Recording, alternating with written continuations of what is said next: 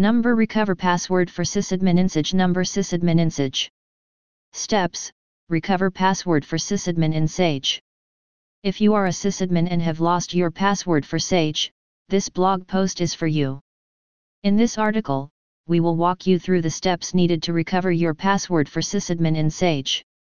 Sysadmins often use the same password for all their accounts, which makes it particularly difficult to recover if you have lost your password for Sage.